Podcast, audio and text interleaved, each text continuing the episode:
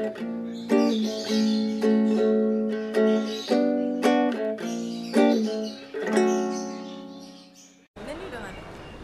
tes yuk.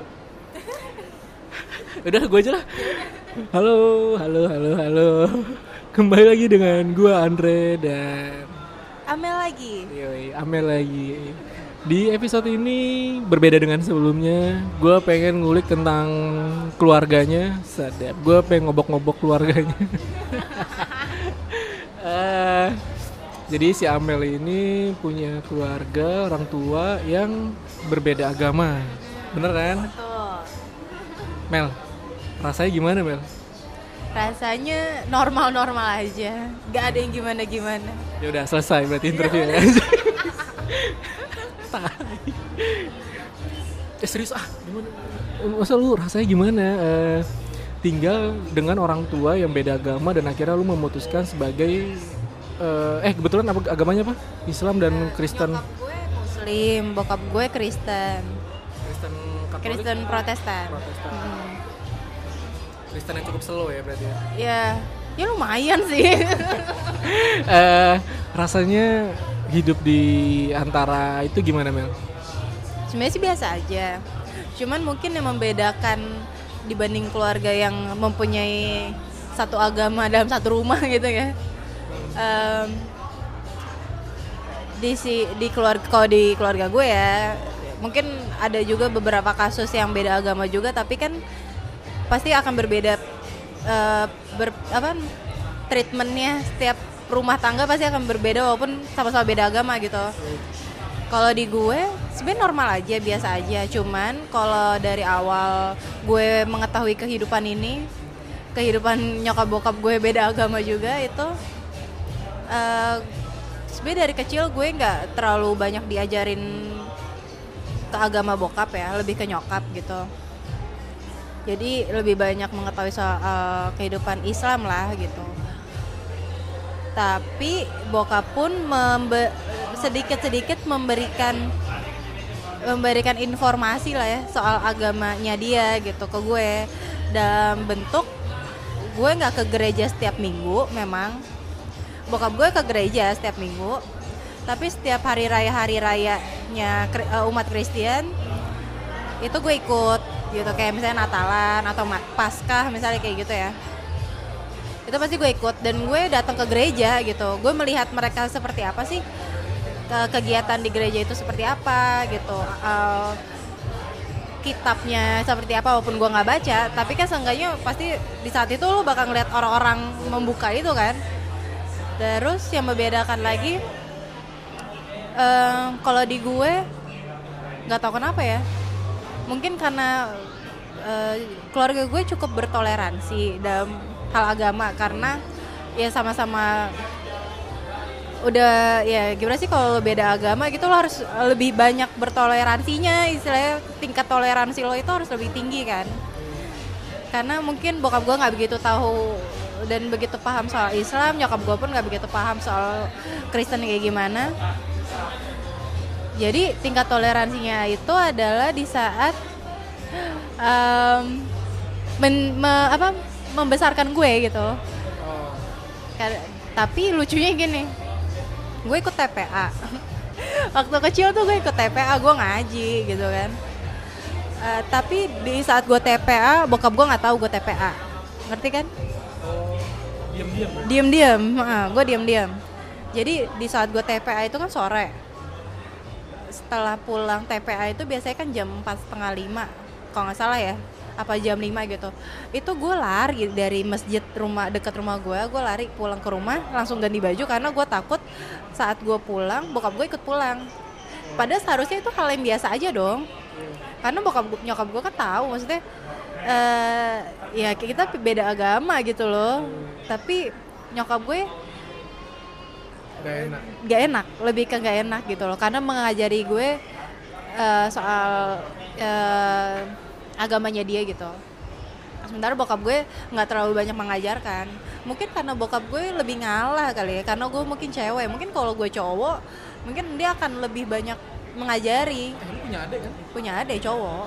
Tapi kan karena bedanya jauh jadi bokap gue juga di saat itu eh, adik gue umur lima tahun bokap gue udah meninggal. Gitu. Tapi eh eh sebelumnya maaf ya kalau backsoundnya. Iya, iya. gue minta maaf kan. Backsoundnya makin keras anjir. Eh apa namanya? Kan gue lupa kan mau nanya apa. Ini. Berarti kan lu sebenarnya toleransi tapi tetap masih ada rasa segan kan? Nah kalau kayak ibadah itu gimana? Kan nyokap lu Islam dan sholat segala macam itu ada gang bukan gangguan tetap ngerasa nggak enak atau di sholat aja gitu? Oh, kalau dulu seinget gue pas gue masih kecil tuh eh, sholat sih sholat aja. Cuma gue nggak pernah sholat gitu. Ya kan? Jadi gue nggak pernah jujur aja gue eh, dari gue zaman gue TK sampai gue SMP SMA mungkin itu gue nggak sholat gitu Gi. karena ya pendidikan agama gue yang nggak gitu ketat juga dan dulu kan gue sekolahnya bukan sekolah Islam ya dan gue nggak dituntut dulu sama nyokap gue kamu harus sholat setiap hari gitu. Karena mungkin ada masih ada rasa segan di nyokap gue karena mungkin nyokap gue juga ada rasa mem- ingin membiarkan bokap gue untuk mengajari gue agamanya dia. Tapi di satu sisi nyokap gue ingin gue ikut agama dia juga gitu. Ngerti gak lo? Berarti sebenarnya nyokap lu itu juga memilih suami agamanya beda, ada peperangan juga berarti sebenarnya. pasti ada pasti akan ada peperangan batin gitu loh gak mungkin enggak tapi di saat itu gue melihatnya cinta mengalahkan segalanya Tapi tapi keluarga besar keluarga besar gimana memandangnya maksudnya dari sudut pandang keluarga apa eh, keluarga bokap yang mayoritas pasti Kristen dong. Terus yang ibu eh, nyokap mayoritas Islam gitu, memandang itu gimana?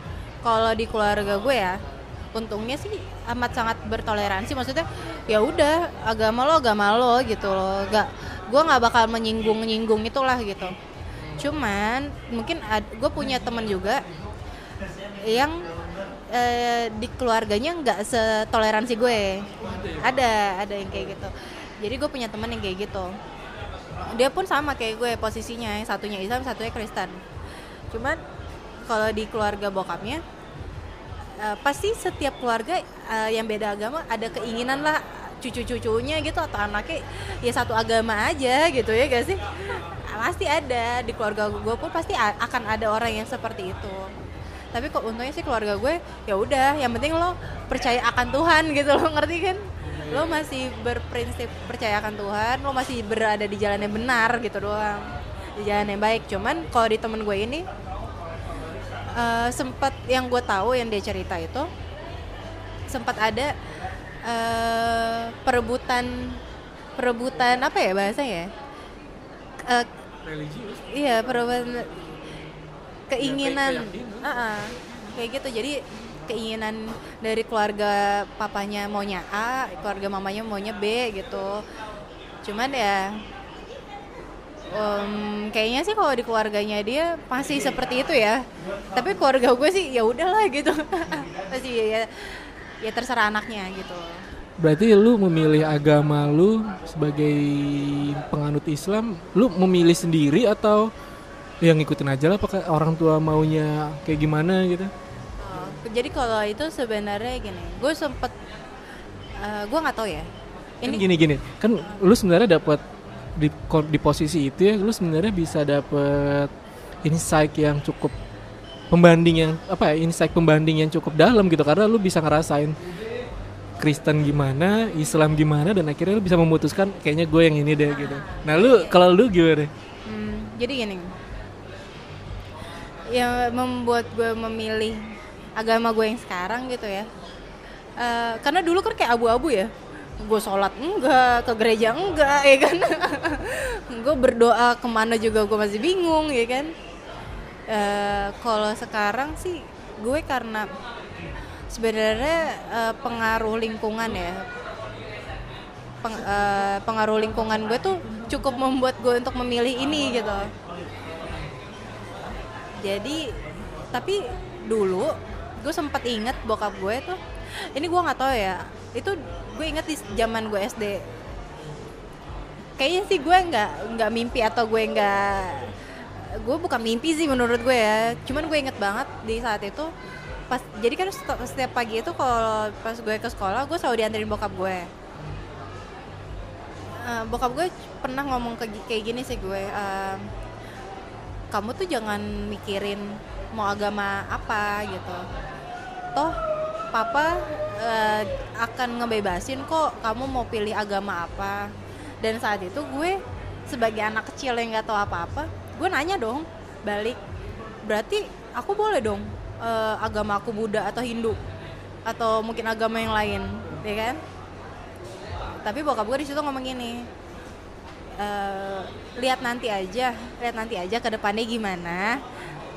Tapi yang papa harapin eh, kamu terserah mau pilih jadi Islam atau mau jadi Kristen. Oh, pilihannya tetap dua Tetap ya? dua cuman eh, bokap gue lihat lihat nanti aja gitu. Karena mungkin nanti kan kita nggak tahu ke depannya gue akan berteman dengan siapa lingkungan gue seperti apa kan. Mungkin dia tetap akan ngebebasin tapi ada penekanan pilihlah agama di antara dua orang tuamu ini lah nak gitu. Loh jadi ya ya begitulah. Nah ya untuk gue memilih Islam pertama mungkin karena eh, nyokap gue kan udah tinggal sendiri. Bokap gue kan udah meninggal dari zaman gue SMP SMP kelas? Kelas 2 oh lumayan lama ya. Ah, terus ya sekarang yang penuntun gue setiap hari di rumah itu seorang muslim gitu kan. Oh iya iya. Jadi eh, gue akan ter buk- brainwash brainwash brainwash. Nah juga kalau brainwash kayaknya serem banget pak. Ya kan? jadi akan diberikan petua-petua dari sisi agama Islam gitu loh. Diberikan pendidikan di sisi itu gitu kan. Dan gue kalau dari keluarga bokap gue malah keluarga bokap gue paling kalau misalnya ketemu doang yang kayak eh, inget ya eh, kak gitu kan. Inget Tuhan kamu berada di jalan Tuhan kayak gitu gitulah yang dalam eh, bahasa Kristianinya Iya, iya. gitu. Tapi kan nggak gue tidak setiap hari menerima itu Asupan itu ya. asupan itu. Jadi gue ya yang setiap hari gue terima tuh Islam. Dan gue mempunyai teman-teman di saat gue kuliah yang membuka pikiran gue oh iya gue harus memilih jalan ini gitu loh. Karena dari gue TK sampai SMA ya gue di jalan yang abu-abu gitu. Tapi kalau pas pelajaran pas pelajaran agama di sekolah lu masuk agama apa? Kalau gue tetap masuk agama Islam. Hmm. Gitu. Walaupun kan eh, bisa bisa aja gue milih yang lain. Cuman kan gue didaftarinnya sebagai seorang muslim pak. Oh iya. Terus eh gimana? Bukan gimana ya? Maksudnya lu sekarang kan berada di posisi dan bokap lu kan udah meninggal kan udah cukup lama. Dan sekarang lu eh, lebih kental lagi dengan Islam. Tapi lu masih ada kepikiran untuk ini gak sih? Atau lu udah maksudnya lu udah mateng sejauh ini gitu ya dari kecil sampai sekarang lu udah mateng dengan pemilihan lu sekarang atau lu masih ada di garis abu-abu walaupun sedikit abu-abu gitu? S- untuk sekarang masih ada yang abu-abu. Pasti gini gue percaya sama agama yang gue pilih. Tapi untuk eh, benar-benar kayak ya gue ya gue berdoa gitu. gue ibadah tetap cuman gue belum setaat itu gitu loh. Gue belum sehusyuk itu saat ibadah. Gue belum bener-bener yang mau mohon mohon sama Tuhan gue segitunya gitu loh. Di- dibanding gue ngebandingin sama teman-teman gue yang lebih religius dibanding gue gitu. Menurut lu agama itu sepenting apa itu gue agak bingung ya. Penting. Karena itu kayak po- ya mau gimana pun ya. Karena gue percaya adanya Tuhan agama itu pondasi hidup. Mau orang bilang cuman ya lo berbuat baik aja di kehidupan lo gitu. Ya ya iya itu yang diajarin juga di agama. Semua agama men- mengajarkan hal yang baik gitu. Tapi di di balik semua perbuatan baik itu kenapa gue percaya Tuhan? Karena gue percaya ada yang menciptakan gue. Selain gue tercipta dari hubungan intim orang tua. Lu lu tahu ajaran ini? Bukan ajaran? Eh, lu tahu pemahaman tentang agnostik ya oh ya Tahu. yang lu percaya Tuhan tapi lu nggak percaya. agama gitu. Menurut lu itu gimana? Apakah itu salah satu jadi solusi lu? Iya gue gue bukannya meracuni lu tentang itu sih. Tapi maksud gue kan lu posisi di abu-abu mungkin gue kalau ada di posisi lu mungkin dengan posisi abu-abu itu wajar sih tapi agnostik itu akan menjadi pilihan yang netral di saat itu gitu. Menurut lu gimana? Hmm, gue nggak ke- pernah kepikiran untuk menjadi agnostik sih walaupun gue punya temennya seperti itu ya. Gue punya temennya seperti itu tapi untuk kepikiran gue untuk menjadi agnostik dengan percaya satu Tuhan gak ada agama gitu gue nggak pernah terfikirkan kayak gitu karena dari kecil gue selalu taunya ada agama. Gimana sih? Lo udah di dalam bawah pikir di alam bawah sadar gue agama itu ada gitu loh. Agama itu ada dan tergantung yang mana yang mau lo yakinin gitu. Itu makanya gue kalau agnostik mungkin sampai saat ini ya belum ada yang bisa eh, yang membuat gue masuk ke aliran agnostik gitu Eh, lu sebagai orang yang berada di level bukan level ya maksudnya lu ya level kali ya level agama kali ya. Lu berada di kondisi agama religius yang abu-abu. Lu kalau ngelihat dari beberapa waktu lalu pemilu ya kita ke politik sedikit nih. Itu kan terjadi peperangan agama tuh. Bukan peperangan agama yang gimana sih tapi secara nggak sadar eh sesama Islam aja tuh punya be- be- apa perbedaan pemahaman dan sedikit berdebat ya kalau di kalau kita lihat di sosial media dan merasa agama Islam yang di golongan sana merasa yang paling benar dan agama eh, yang lain menjadi agama yang salah. Ya secara nggak secara nggak sadar itu ya sedikit memerangi ya. Men- lu kalau ngeliat itu sebagai lu yang berada agama yang berada di abu-abu nih garis abu-abu di lu sendiri agama lu tuh gimana ngerti nggak maksud gue anjing. Lu kalau ngelihat gini deh. Lu kalau ngelihat eh, antar agama berantem gimana? Lu ngeresponnya secara lu pribadi gimana? Dan- kan lu agama lu kan ini di abu-abu nih. Sebagai orang yang berada di tengah-tengah dan ketika ini agama ini sama ini berantem lu ngelihatnya gimana gitu kalau dari lu? Kalau itu gue nggak membenarkan ya. Nggak membenarkan apa yang mereka lakuin. Karena sebe- mau gimana pun juga ya, ya sama aja sih kata kayak kata orang-orang ya. Agama tuh nggak salah yang salah tuh orangnya ya kan? Mau gimana pun karena itu kan dari jalan pikiran mereka mungkin mikirnya gini gue gue melakukan ini tuh karena Islam misalnya gitu. Gue melakukan itu karena Kristen gitu. Tapi kan di agama lo lo gak diperbolehkan untuk saling istilahnya menjatuhkan atau memerangi lah gitu itu tuh kan gak gak boleh sebenarnya karena setiap agama balik lagi mengajarkan hal yang baik. Nah di saat ada orang yang kayak gitu gue nggak bakal menyalahkan agamanya tapi gue menyalahkan orangnya berarti dia salah menginterpretasikan agamanya sendiri. Salah menginterpretasikan apa yang dia tahu yang mungkin sebenarnya eh, yang tersirat dari hal itu bukan yang seharusnya dia lakuin saat itu dengan cara yang dia lakuin lah gitu. Menurut gue sih karena itu. Mungkin entah karena pendidikan agamanya dia atau hal yang dia tahu soal agama itu kurang mendalam atau ada doktrin-doktrin yang mengatasnamakan agama dan dia kena nih doktrin-doktrin bodoh ini gitu loh. Eh, sebenarnya ada ada satu ustadz iya ustadz. Gue ada satu kata yang menurut gue paling keren sih yang menjatuhkan agama kita itu adalah kita sendiri. Jadi ketika kita merespon aduh makin gede lagi nih backsoundnya. Ketika kita menanggapi orang yang mengejek agama kita itu justru yang titik di mana kita menjatuhkan agama kita sendiri gitu. Karena dengan kita emosi ya orang jadi memandang lain dengan agama yang kita anut gitu. Kalau menurut gua sih itu keren sih. Nah itu dia. Makanya nyokap gue selalu bilang gini kita bukan orang yang paham banget agama gue gue pun meyakini orang-orang di luar sana tuh masih belajar agama bukan yang benar-benar memahami agama kan? Nggak ada yang benar-benar Nah. ada lah yang itu itu dia. Makanya kita tuh baru tahu cuman berapa lembar dari agama kita gitu loh. Tapi kenapa lo bisa mengatasnamakan agama dalam omongan-omongan lo gitu yang Wah, jadi ini gue suka nih kalimatnya Iya kan? iya iya iya iya. Jadi orang akan mempretas- menginterpretasikan hal yang sebaliknya karena lo belum paham agama itu apa jadi lebih baik lo jangan mengatasnamakan agama untuk hal apa yang lo omongin dibanding lo menjatuhkan agama lo sendiri gitu. Setuju ya berarti bener. Ya dari semua itu satu kalimat itu doang yang menurut gue paling keren.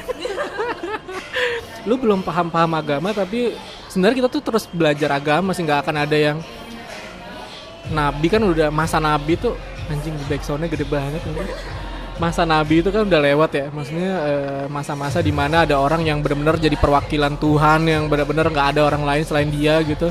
Itu kan masa itu udah nggak ada lagi tuh. Dan sekarang kita hanya bisa eh, menganut kebaikan-kebaikan yang dilakukan oleh Nabi Muhammad dan nabi-nabi yang lain gitu kan.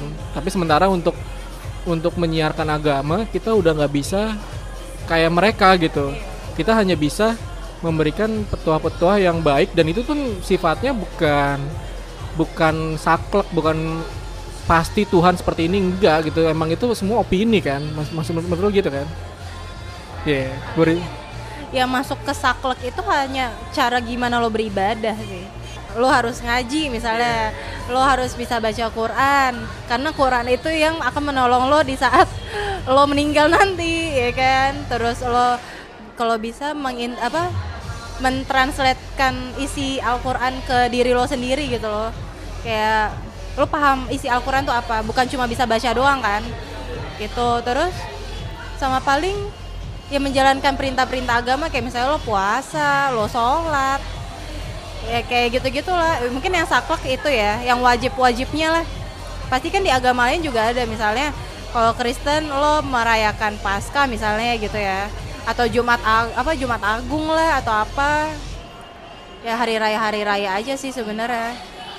Dan mungkin ada hal-hal saklek lain yang gue gue pun belum ngerti karena gue nggak nggak mendalami agama itu kan gitu. Ya, ya benar-benar benar-benar setuju. Anjir nih emang di backsoundnya ngeselin ya. Tiba-tiba mati tiba-tiba keras. Tiba-tiba Korea aduh sekarang udah kayak clubbing lagi nih. Padahal ngomongin agama. Iya padahal lagi ngomongin agama tapi lu sejauh ini dengan agama lu yang lu sekarang anut nih membawa kebahagiaan gak? Nah itu agak sulit ya. Kalau ini ini cerita dari nyokap gue ya.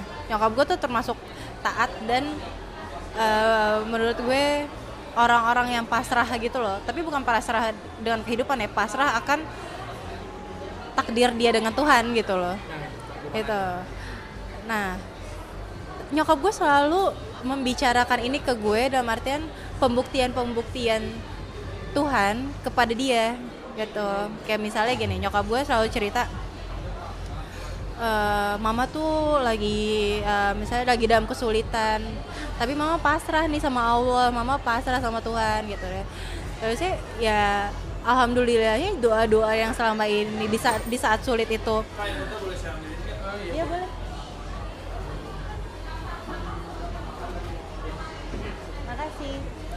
uh, doa-doa yang di yang diminta sama nyokap gue di saat nyokap gue susah itu selalu terjawab lah istilahnya gitu. Itulah jadi nyokap gue selalu ngomong pembuktian-pembuktian yang bisa membuat diri dia bahagia gitu loh. Dan dia diri dia amat sangat punya kedekatan dengan Islam gitu loh dibanding sama gue ya. Karena gue masih yang ya gue Islam tapi gue masih belum merasakan kedekatan yang sebegitunya kayak nyokap gue. Karena gue pun sholat aja masih ya ya udah sholat kemarin gitu loh. Ya udah sholat ya besok belum tentu sholat lagi. Masih kayak gitu. Jadi kalau membawa kebahagiaan um, agak ya gua gue nggak bilang gue nggak bahagia tapi gue gue belum dalam titik gue sebahagia nyokap gue mungkin gitu. Uh, oke. Okay. tadi kan lu nyebut takdir. Lu sejauh apa uh, meyakini akan sebuah takdir? Nah takdir ya. Kan kalau di Islam ada takdir besar dan takdir kecil. Paham gue gini-gini agama gue bagus dulu.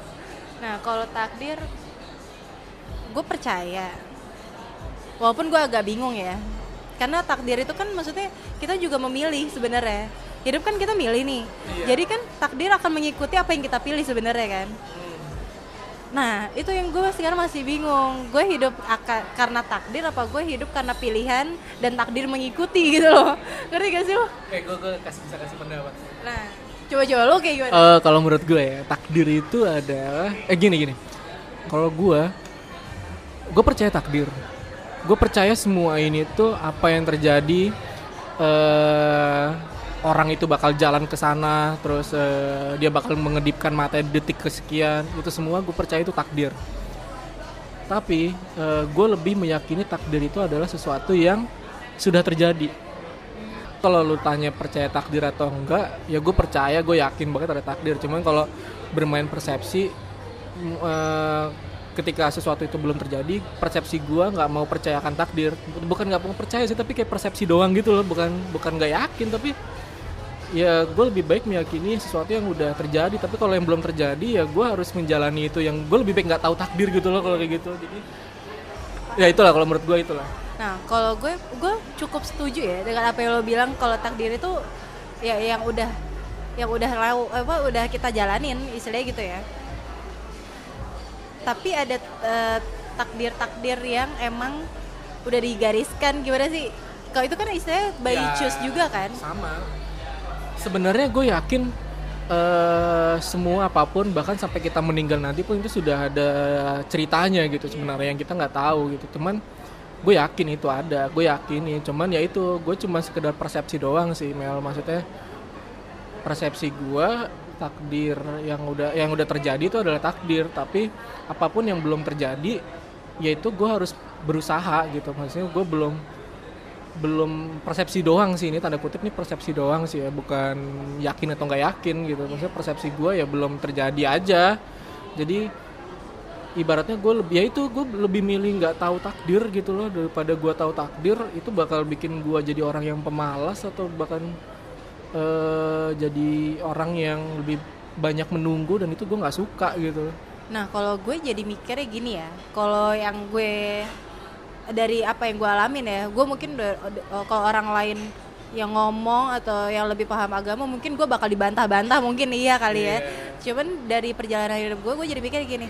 eh, Takdir kan yang takdir besar itu adalah jodoh, kematian, eh, hidup sampai berapa lama itu udah pasti takdir besar ya. Tapi kalau takdir kecil itu lo punya seribu satu bahkan bermiliar-miliaran cara eh, dari takdir kecil-kecil itu yang lo jalani setiap hari. Tapi itu juga takdir itu ada karena pilihan lo gitu.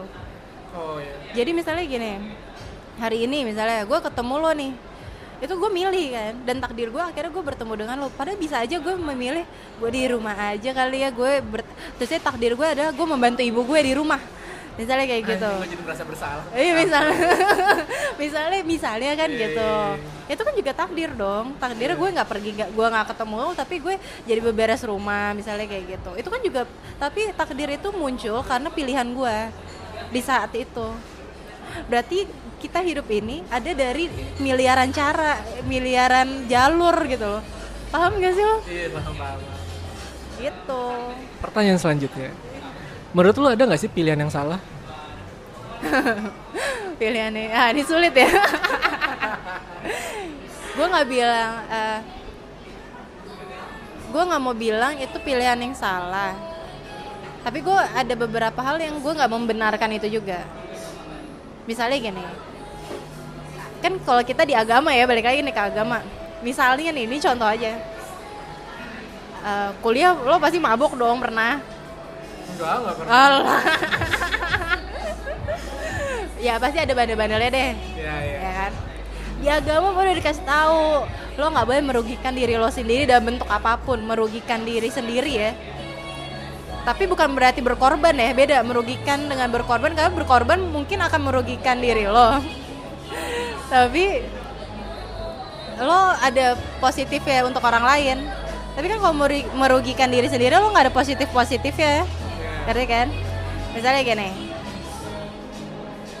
Em, ini hal yang salah ya. Lo mabok misalnya. Mabok kan merugikan diri dong. Udah haram ya kan? Lo mem- memasukkan diri lo dengan hal-hal yang tidak baik. Itu sebenarnya hal yang salah. Tapi itu pilihan lo kan Iya. pilihan yang salah kan Pilih, bukan pilihan gua, pilihan orang-orang. Iya. pilihan lu kali. Iya misalnya pilihan gue untuk mabok gitu ya itu di mata orang lain itu pilihan yang salah di mata gue pun itu pilihan yang salah tapi gue benar-benarkan yoi di saat itu jadi sebenarnya pasti akan ada pilihan yang salah tapi berdasarkan hal lain ngerti kan lo Ya intinya lu tetap ada yang salah kan, tetap ada yang tidak membenarkan itu kan. tapi kita tuh punya kesalahan karena ada standar sendiri dari kesalahan itu ngerti gak lo? Iya iya iya. misalnya gini seks bebas ya kan? Salah nih seks bebas kan salah nggak boleh. Free sex tuh nggak boleh. Tapi atas- standarnya siapa? Jadi salah itu karena siapa? ya kan? Karena lu udah punya ad- ada ada pemikiran yang membuat bilang kalau free sex itu salah. Entah itu dari agama entah itu dari adat istiadat entah itu apa. Jadi masuknya ke pilihan yang salah. Ngerti gak lo?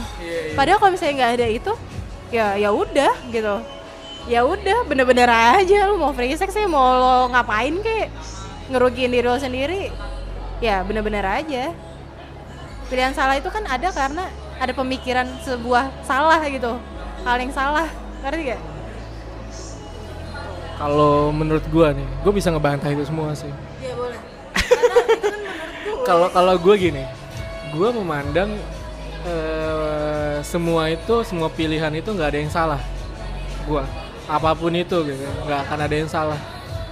Mungkin akan dipandang salah saat itu, tapi waktu akan menjawab bahwa itu akan menjadi kenangan-kenangan kesalahan yang lu sebut salah itu akan menjadi sesuatu yang ternyata ada baiknya Iya. kalau menurut gue gitu karena jadi pada intinya pilihan itu nggak akan ada yang salah pada akhirnya gitu. Jadi gue nggak pernah menyalahkan apa keputusan gue saat ini apa keputusan gue kemarin.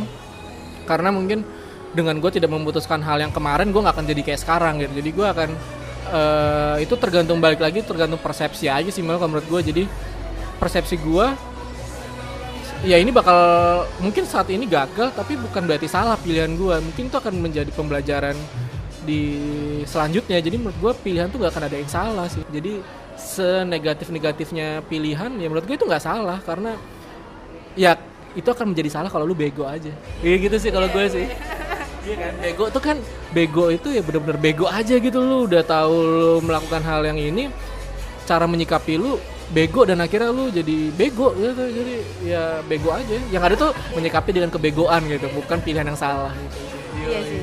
Ya gue setuju sih. Coba deh itu. Kadang kadar salah aja tuh orang beda-beda. Menurut gue salah belum tentu lo salah kan. Coba mungkin ada ada beberapa hal yang di- dibuat saklek gitu loh.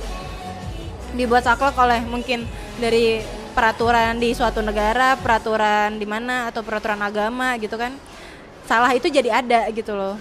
Karena untuk sebenarnya untuk menggiring orang melakukan hal yang baik di di jalan yang itulah gitu ya sebenarnya sih kalau dibilang salah atau enggak ya sama aja kayak gue yang tadi lo bilang juga nggak ada yang salah sebenarnya cuman ada yang lebih baik mungkin gitu Hmm. Kalau gue nggak nyampe ada yang lebih baik sih. Menurut gue semua pilihan baik sih. Tinggal bagaimana lu menyikapinya aja sih. Eh, apa lagi ya? Ya udahlah ya, cukup lah ya. Ya semoga bermanfaat. Tapi kan ini serunya adalah kita membicarakan agama dari sudut pandang kita sebagai orang yang eh, awam gitu, maksudnya yang nggak paham-paham banget agama. Cuman yang kita lihat di sini adalah dari perjalanan hidup aja sih. Sebenarnya kan gitu dari apa yang udah pernah lo lakuin udah pernah lo jalanin. Jadi ya pemikiran kita saat ini ada, ada karena masa lalu kita. Itu dia. Oke, ya udah sekian. Gua rasa cukup lah ya. Ya udah, dah.